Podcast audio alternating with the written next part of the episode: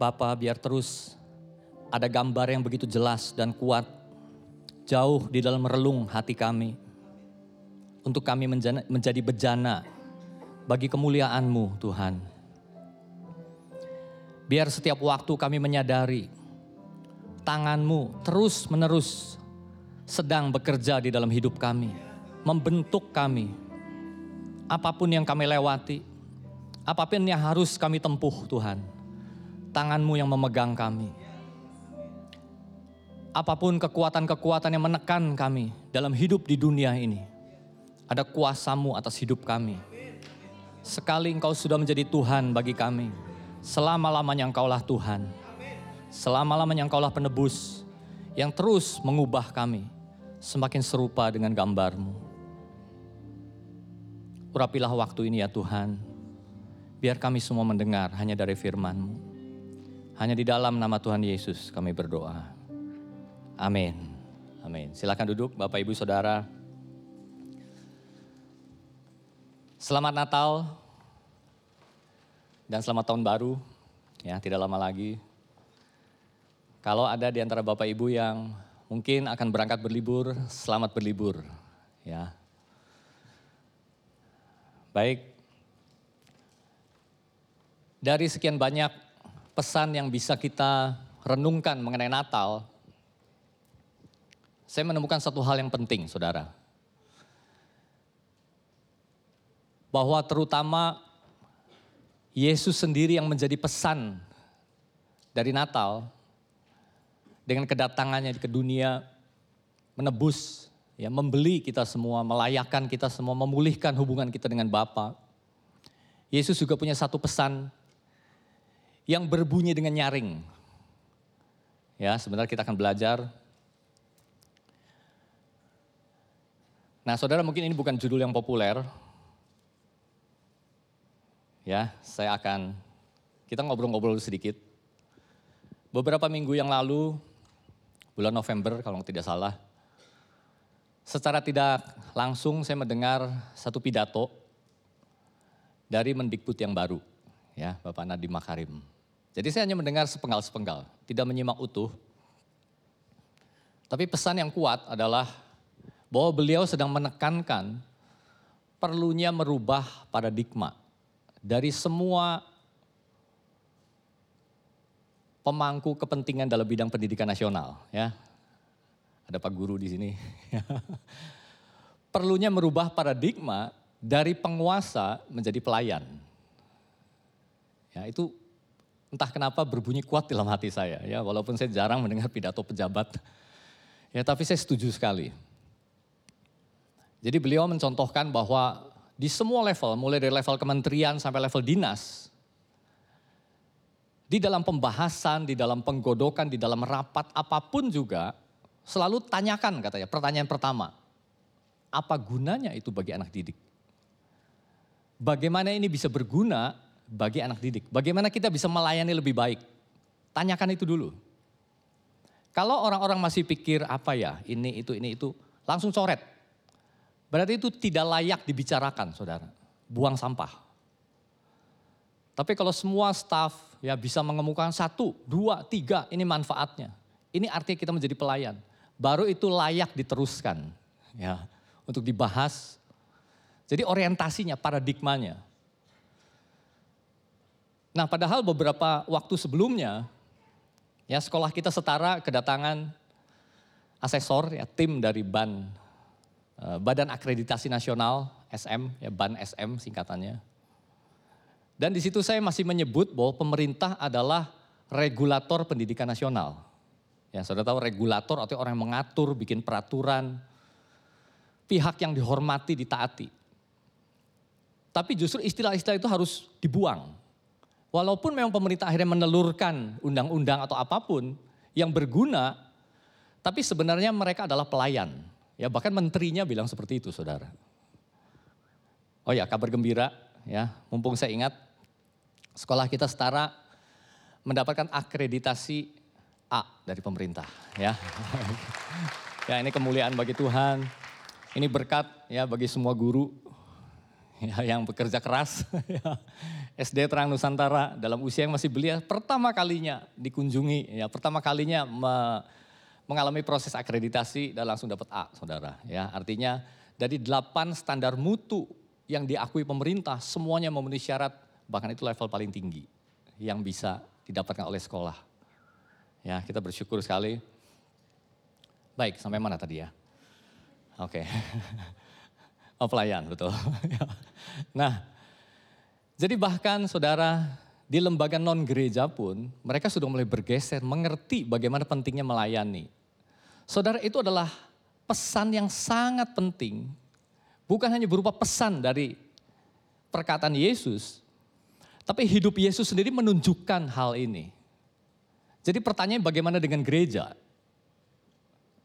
Ya. Nah, harus diakui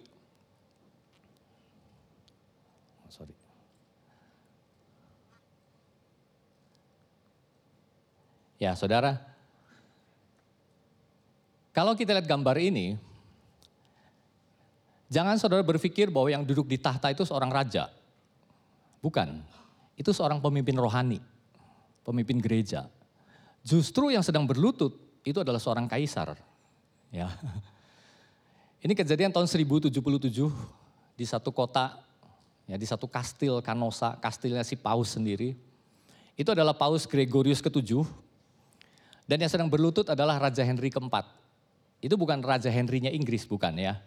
Tapi raja dari uh, Holy Roman Empire. Jadi wilayahnya itu di sekitar sekarang Jerman dan sekitarnya terus sampai ke bagian utara Italia. Jadi pada abad-abad itu terjadi struggle for power istilahnya ya. Antara paus sebagai pemimpin agama dengan raja, raja duniawi. Dan di dalam pertarungan perebutan kekuasaan ini pauslah yang menang. Sehingga sang raja mau tidak mau harus meninggalkan istananya ya di hari bersalju untuk datang dan memohon pengampunan dari paus. Ya. Karena kalau tidak dia dalam bahaya. Karena dalam perebutan pengaruh ini dia kalah. Ya, pemimpin agama yang menang. Jadi oleh paus si kaisar ini dibiarkan tiga hari di luar salju baru dia diterima, harus buka sepatunya dan berlutut seperti ini saudara. Ya, ini gereja. Jadi tidak heran bahwa jejak ini tidak mudah hilang. Sebagaimana pemimpin umumnya yang cenderung dijunjung di atas dan orang-orang yang dipimpin itu di bawah, natur ini selalu menekan di dalam gereja. Saya percaya itu tidak terjadi di gereja kita, tapi kita perlu terus menerus menekankan pesan ini. Pemimpin adalah pelayan. Yesus datang untuk bukan untuk dilayani, tapi untuk melayani dan memberikan nyawanya menjadi tebusan bagi banyak orang. Karena apa saudara? Mudah sekali. Jangan kita berpikir bahwa orang di dalam Kristus ciptaan yang baru langsung berubah total natur berdosa, kecenderungan itu masih tetap ada. Ego manusia itu nggak bisa nol, saudara.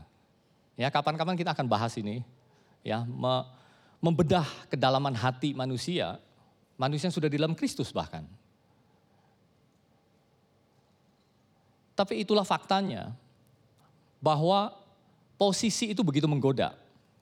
Keinginan untuk dijunjung, untuk dihormati itu selalu ada di dalam manusia. Ya, saya pikir itu manusiawi.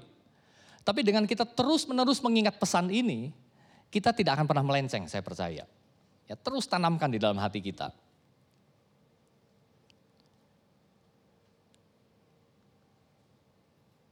Kalau Bapak Ibu Saudara sudah cukup lama di dalam jemaat ini, kita semua tahu bahwa kerinduan yang terus menjadi hasrat dari jemaat ini sejak awal adalah membangkitkan para pemimpin. Ya, walaupun caranya tidak mudah, tidak selalu berhasil, banyak kegagalan. Tapi hasrat itu ada selalu di dalam hati kita semua. Setiap dari kita yang punya satu tanggung jawab memimpin, selalu memikirkan bagaimana membangkitkan pemimpin berikutnya. Ini harus menjadi mata rantai yang terus berjalan. Jadi betapa pentingnya prinsip ini jangan sampai luntur. sekali luntur salah saudara. Nanti kita akhirnya membangkitkan orang yang salah. Dengan prinsip yang salah. Dengan tujuan yang salah. Jadi ingat, memimpin adalah melayani. Karena apa? Karena kesulitannya, pertanyaannya, seorang pemimpin itu kan berarti dia memikul satu misi kan. Ya, ada tujuan yang dia harus capai. Banyak contohnya di dalam Alkitab. Nehemia, dia meninggalkan posisinya menjadi orang kedua setelah raja, karena Tuhan menaruh satu tanggung jawab untuk membangun tembok Yerusalem. Jadi ada satu target yang dia harus kejar. Nah kesulitannya bagaimana seorang pemimpin menyeimbangkan antara dia mengejar targetnya yang dari Tuhan tanpa meninggalkan prinsip ini. Ya, karena kalau tidak target menjadi yang utama, orang dikorbankan. Ya, itu sudah banyak terjadi. Baik, ini adalah bacaan kita dari Markus 10 ya, mudah-mudahan bisa kebaca. Ayat 35 sampai 45. Lalu Yakobus dan Yohanes anak-anak Zebedeus mendekati Yesus dan berkata kepadanya, Guru, kami harap supaya engkau kiranya mengabulkan suatu permintaan kami. Jawabnya kepada mereka, apa yang kamu kehendaki aku perbuat bagimu?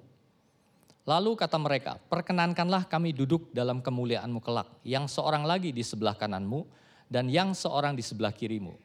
Tetapi kata Yesus kepada mereka, kamu tidak tahu apa yang kamu minta. Dapatkah kamu meminum cawan yang harus kuminum dan dibaptis dengan baptisan yang harus kuterima? Jawab mereka, kami dapat. Yesus berkata kepada mereka, memang kamu akan meminum cawan yang harus kuminum dan akan dibaptis dengan baptisan yang harus kuterima. Tetapi hal duduk di sebelah kananku atau di sebelah kiriku, aku tidak berhak memberikannya. Itu akan diberikan kepada orang-orang bagi siapa itu telah disediakan. Mendengar itu ke sepuluh murid yang lain menjadi marah kepada Yakobus dan Yohanes. Tetapi Yesus memanggil mereka lalu berkata, kamu tahu bahwa mereka yang disebut pemerintah bangsa-bangsa memerintah rakyatnya dengan tangan besi. Dan pembesar-pembesarnya menjalankan kuasanya dengan keras atas mereka. Tidaklah demikian di antara kamu. Barang siapa ingin menjadi besar di antara kamu, hendaklah ia menjadi pelayanmu. Dan barang siapa ingin menjadi yang terkemuka di antara kamu, hendaklah ia menjadi hamba untuk semuanya. Karena anak manusia juga datang bukan untuk dilayani, melainkan untuk melayani dan untuk memberikan nyawanya menjadi tebusan bagi banyak orang.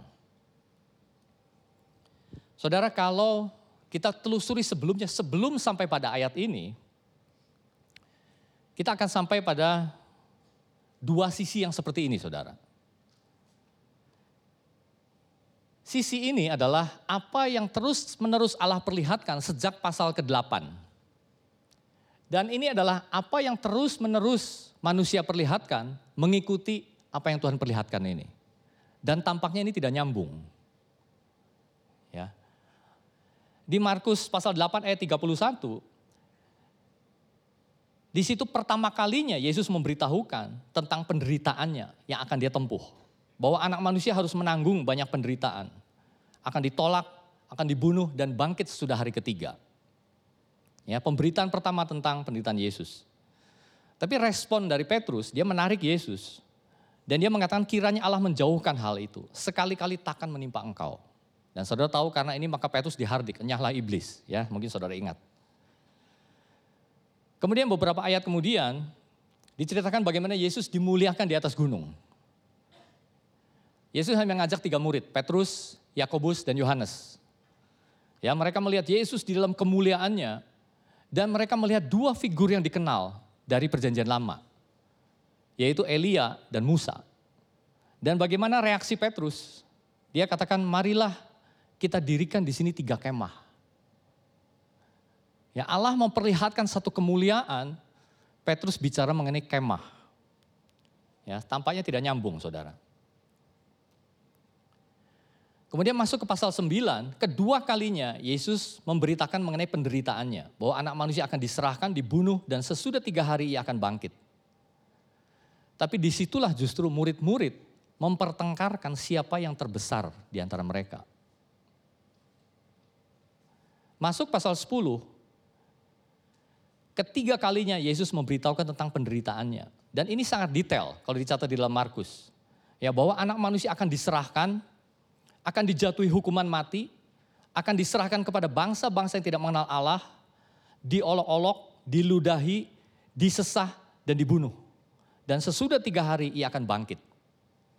Tetapi justru sesudah inilah Yakobus dan Yohanes meminta posisi. Saudara, mengapa begitu sulit melihat satu prinsip yang terus-menerus Yesus perlihatkan dan manusia sibuk dengan naturnya sendiri yang terus terus mencari sesuatu yang berbeda. Ya, perhatikan supaya gereja juga jangan melakukan hal yang seperti ini, Saudara. Nah, saya akan perlihatkan satu macam benda, ya. Mohon maaf ini bendanya tidak terlalu bagus. Tapi mengapa saya sedikit bersusah payah seperti ini? Gunanya hanya satu, saudara. Supaya kita ingat. Ya. Ini benda apa, Bapak Ibu Saudara? Nggak usah dijawab ya. Nah, saya akan buka ya.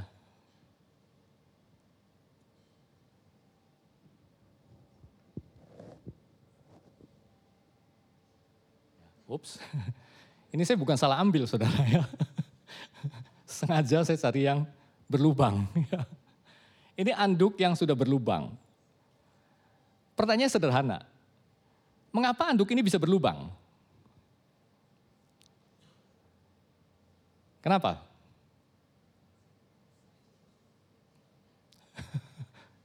Agak susah dijawab. Bukan dimak, ya itu dia jawabannya. Bukan dimakan kutu ya saudara. Karena dipakai. Justru kalau anduk ini tidak akan pernah dipakai, ini akan utuh. Justru karena dipakai terus menerus, makanya dia bolong. Dan biasanya sesudah anduk menjadi seperti ini, apa yang kita lakukan? Ya. Oke. Saya sudah menebak ada jawaban seperti itu dipakai keset. Tapi tahukah Bapak Ibu bahkan ada ibu-ibu yang menganggap untuk keset pun ini sudah terlalu buruk. Jadi dengan kata lain dibuang.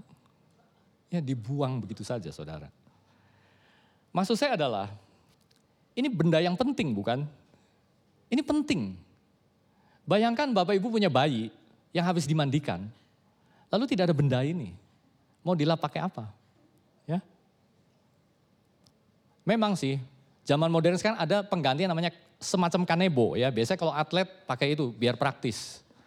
Betul, bentuknya seperti kanebo ya, tapi lebih mahal biasanya kalau punya atlet. Tapi masa ia bayi dilap pakai kanebo?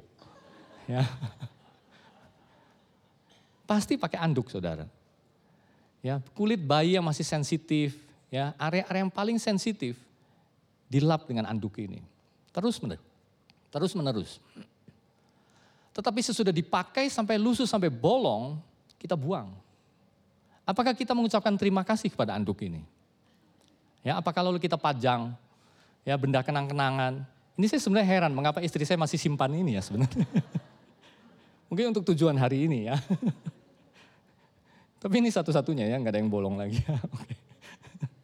Ini waktunya dibuang berarti. Saudara, Ini supaya kita ingat. Pikirkan saja bagaimana Yesus. Ya, untuk apa hidupnya? Bukan hanya bolong, Saudara. Hidupnya diserahkan. Kalau kita bisa menghitung ada satu, dua, tiga jasa-jasanya handuk. Saudara hitung jasanya Kristus. Kalau kita bisa melihat banyak kekurangan dari sebuah produk handuk. Saudara cari kekurangan Kristus. Apa salahnya? Pernahkah dia menaburkan sesuatu yang jahat? Pernahkah dia menyakiti seseorang? Semua yang dia katakan adalah kebenaran. Semua yang keluar dari dirinya adalah kebaikan. Semua yang mengalir keluar dari hatinya adalah rahmat, penerimaan, pengampunan. Tapi apa yang dia terima? Amin, saudara hidupnya diberikan sampai habis. Ya, diserahkan kepada bangsa-bangsa yang tidak mengenal Allah. digantung di dalam kehinaan, ditolak. Saudara ditolak itu sakit. Ya. Kita dalam hidup sehari-hari kalau ada orang tidak suka dengan saudara, saudara dikucilkan dalam kelompok yang kecil saja, taruh kata hanya lima orang teman, saudara ditolak. Sakit kan?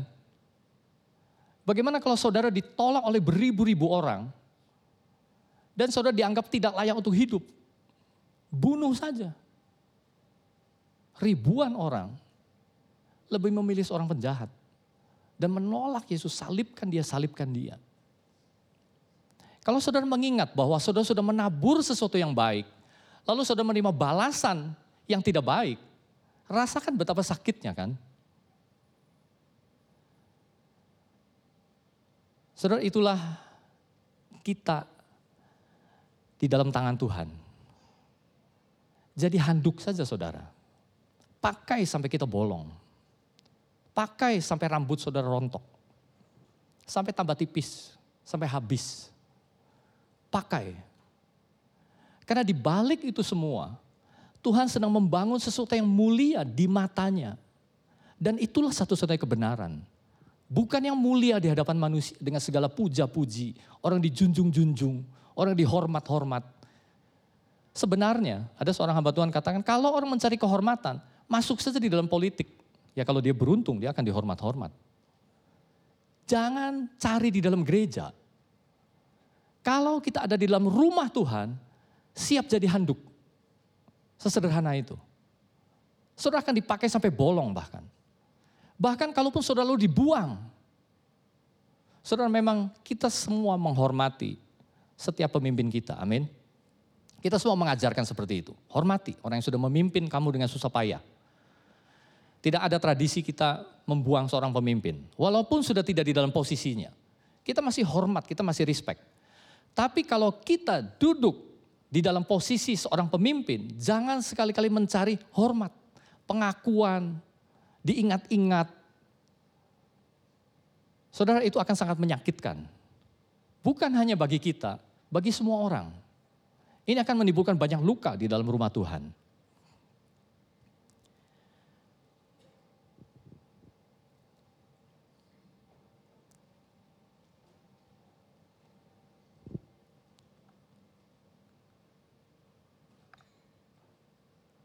Jadi Allah ingin memperlihatkan kepada kita satu kontras. Mengenai apa yang umum dipegang oleh manusia dengan apa yang menjadi kebenaran bagi Tuhan. Nah saya akan perlihatkan lagi satu benda. Ya, saudara saya hanya bawa dua benda, tenang saja.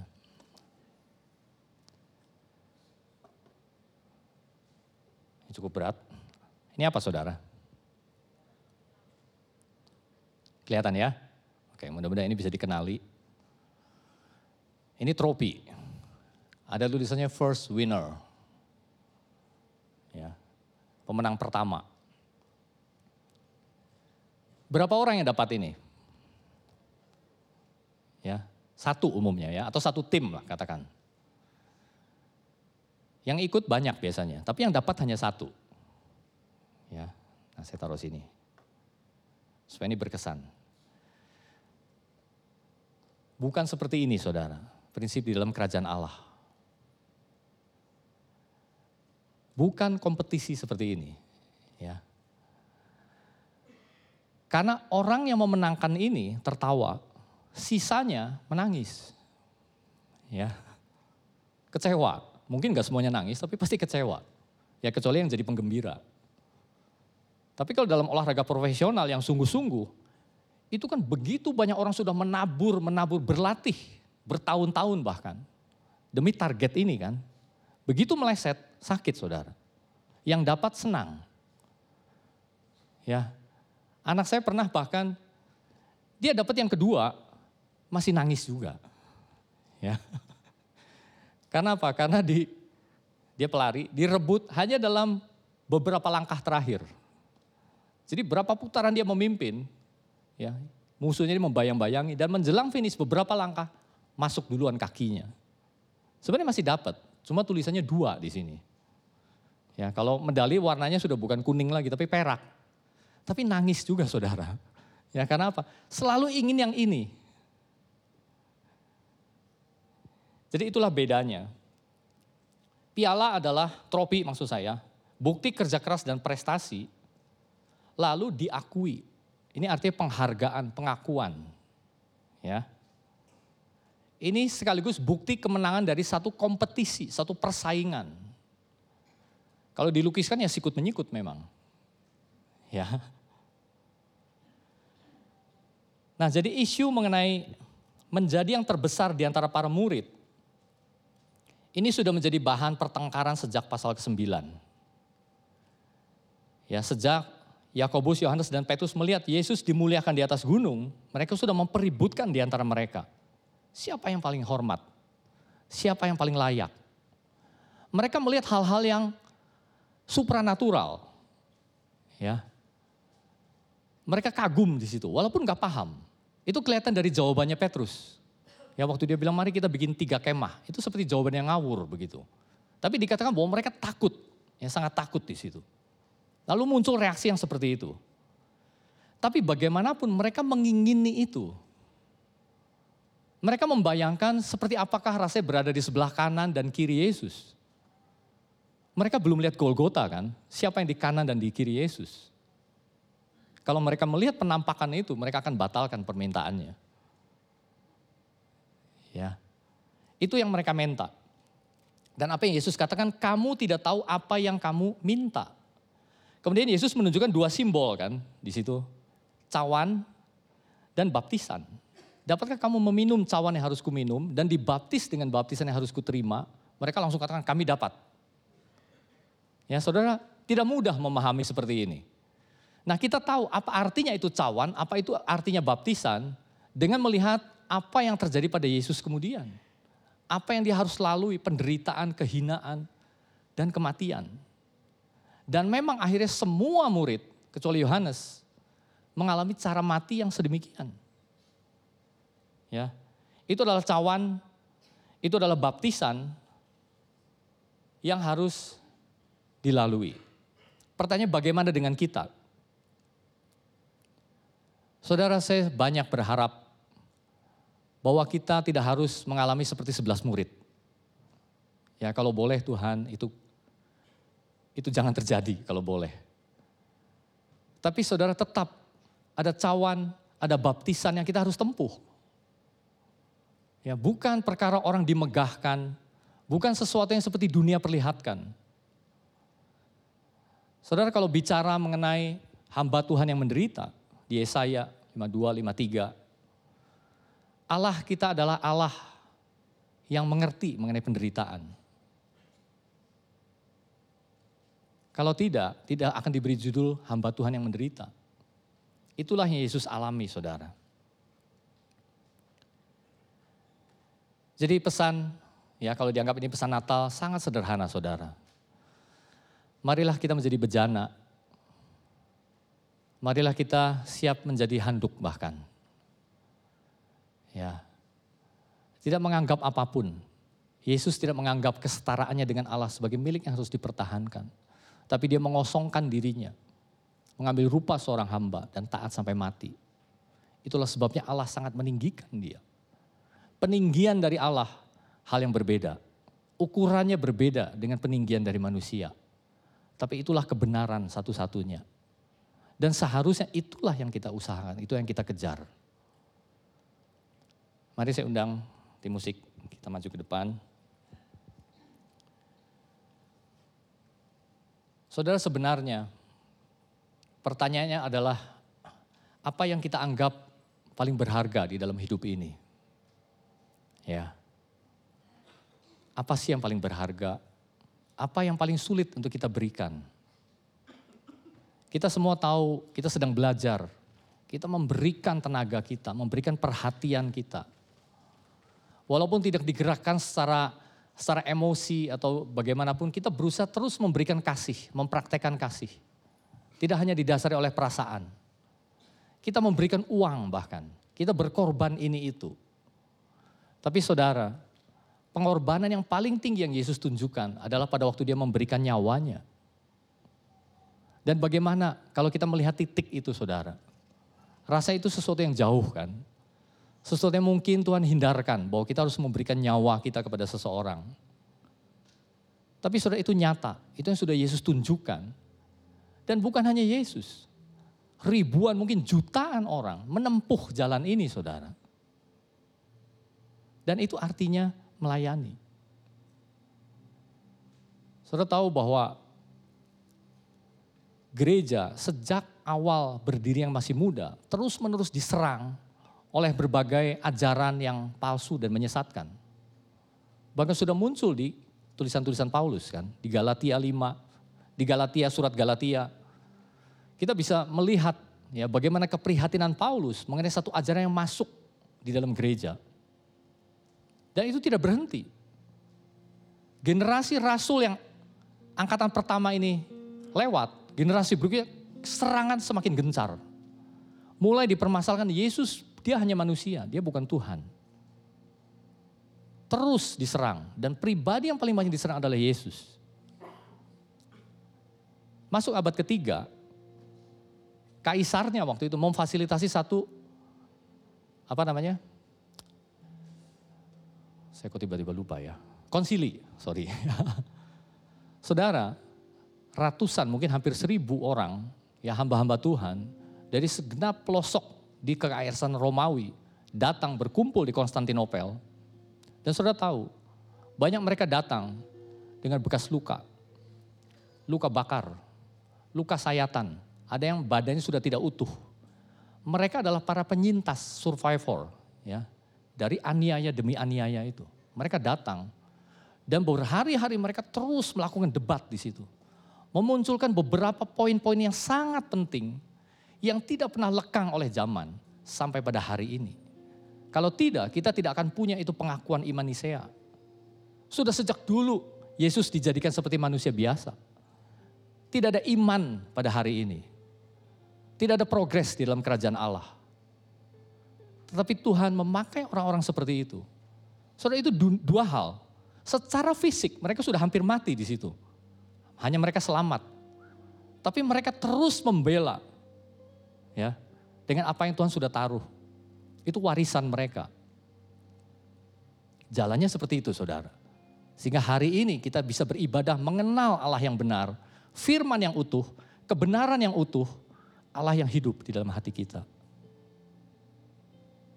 Mari kita berdoa. Bapak kami tahu jalanmu tidak selalu mudah bagi kami. Engkau memanggil kami kepada satu hidup yang penuh dengan pengharapan. Engkau memberi kami segala kelimpahan di dalam hidup ini. Tapi kami tahu bahwa ini juga bukan hidup yang mulus seperti jalan tol, yang bebas dari penderitaan. Bapak engkau masih membawa kami, seperti kami berjalan di dalam satu lembah yang rendah. Di dalam lembah, di dalam bayang-bayang, kegelapan. Tapi kami tahu bahwa tanganmu selalu membimbing kami. Biar kami terus belajar untuk apa Yesus datang ke dunia ini. Mengapa dia tidak lahir di tengah-tengah istana yang besar seperti Musa. Mengapa Yesus harus hadir di tengah-tengah tempat yang begitu sederhana. Mengapa dia harus diletakkan di atas tempat seperti palungan dan mengapa berita sukaan itu pertama kali diberitakan kepada para gembala? Bapak kami tahu bahwa Yesus engkau tentukan untuk menjadi raja, menjadi Tuhan. Dia akan jadi hakim yang kemudian akan datang mengadili dunia ini. Tapi kami melihat belajar apa jalan Yesus tempuh. Dan biar itu jadi gambar dalam pikiran kami Bapak. Itu menjadi pola dalam jiwa kami. Kebesaran apakah yang kau sediakan bagi kami? Kekuatan apakah yang kau sediakan bagi kami? Sehingga apa pun di dalam dunia ini bisa kami tempuh apalagi mempertahankan harga diri kami Tuhan. Biar kami menjadi seperti Kristus yang meletakkan semuanya di dalam kehinaan, di dalam malu, di dalam posisi yang begitu rendah. Bahkan posisi orang-orang yang terkutuk digantung di atas kayu salib. Dengan demikian kami memperoleh hidup. Kami menjadi anak-anak Allah yang dibenaran. Biar kami semua ditemukan jadi pelayan-pelayan yang setia Tuhan. Apa pun tanggung jawab yang kau berikan, kami tahu masih panjang jalan di depan kami. Masih banyak hal-hal besar yang ingin kau kerjakan melalui hidup kami. Biarlah kami terus mengingat prinsip ini. Semakin rendah kami, semakin rendah kami menjadi pelayanmu. Karena bagaimanapun status itu tidak akan pernah dicabut dari kami. Bahwa kami sudah diangkat menjadi anak, seorang anak, menjadi ahli warismu, ahli waris segala kebaikanmu Tuhan. Kami mengucap syukur ya Bapa, hanya di dalam nama Tuhan Yesus. Saudara bangkit berdiri. Yesus kau kebenaran yang menyelamatkanku. Kau memberikanku hidup dan pengharapan.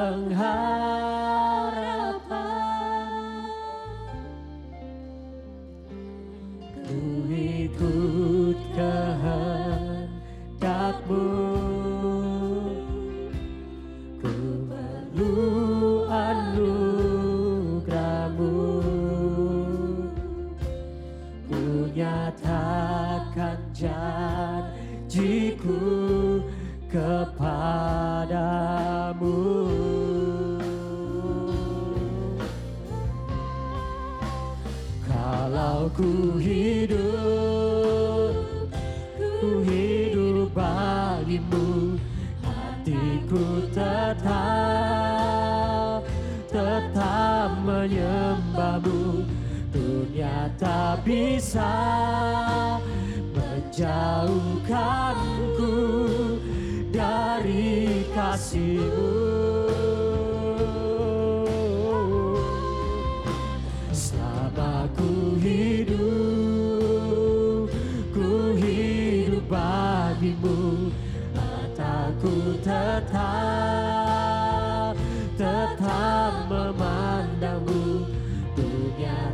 bisa menjauhkanku dari kasihmu.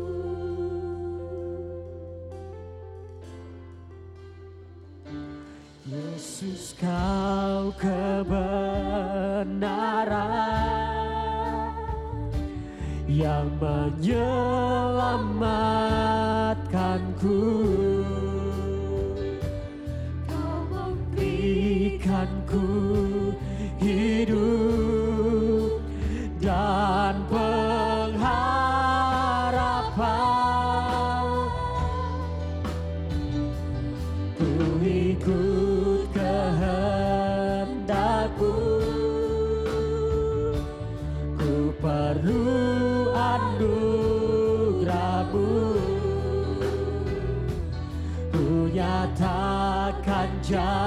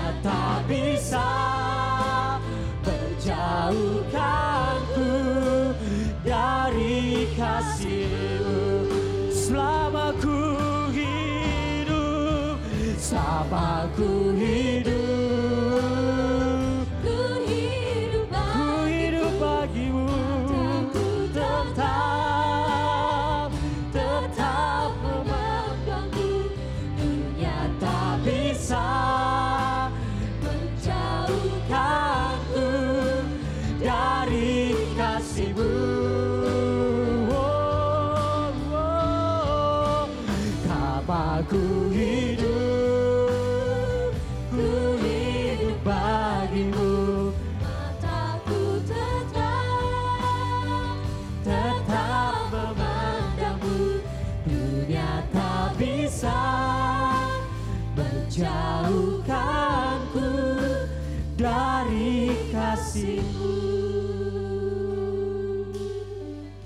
Biar selama kami hidup Tuhan. Berikan kami anugerah. Supaya kami mampu untuk menjadi handuk-handuk dalam kerajaan-Mu Tuhan. Kami punya hati yang melayani. Hati hamba Tuhan. Kami tahu bukan dengan kekuatan kami. Tapi hanya karena anugerah-Mu. Di dalam nama Yesus. Semua katakan.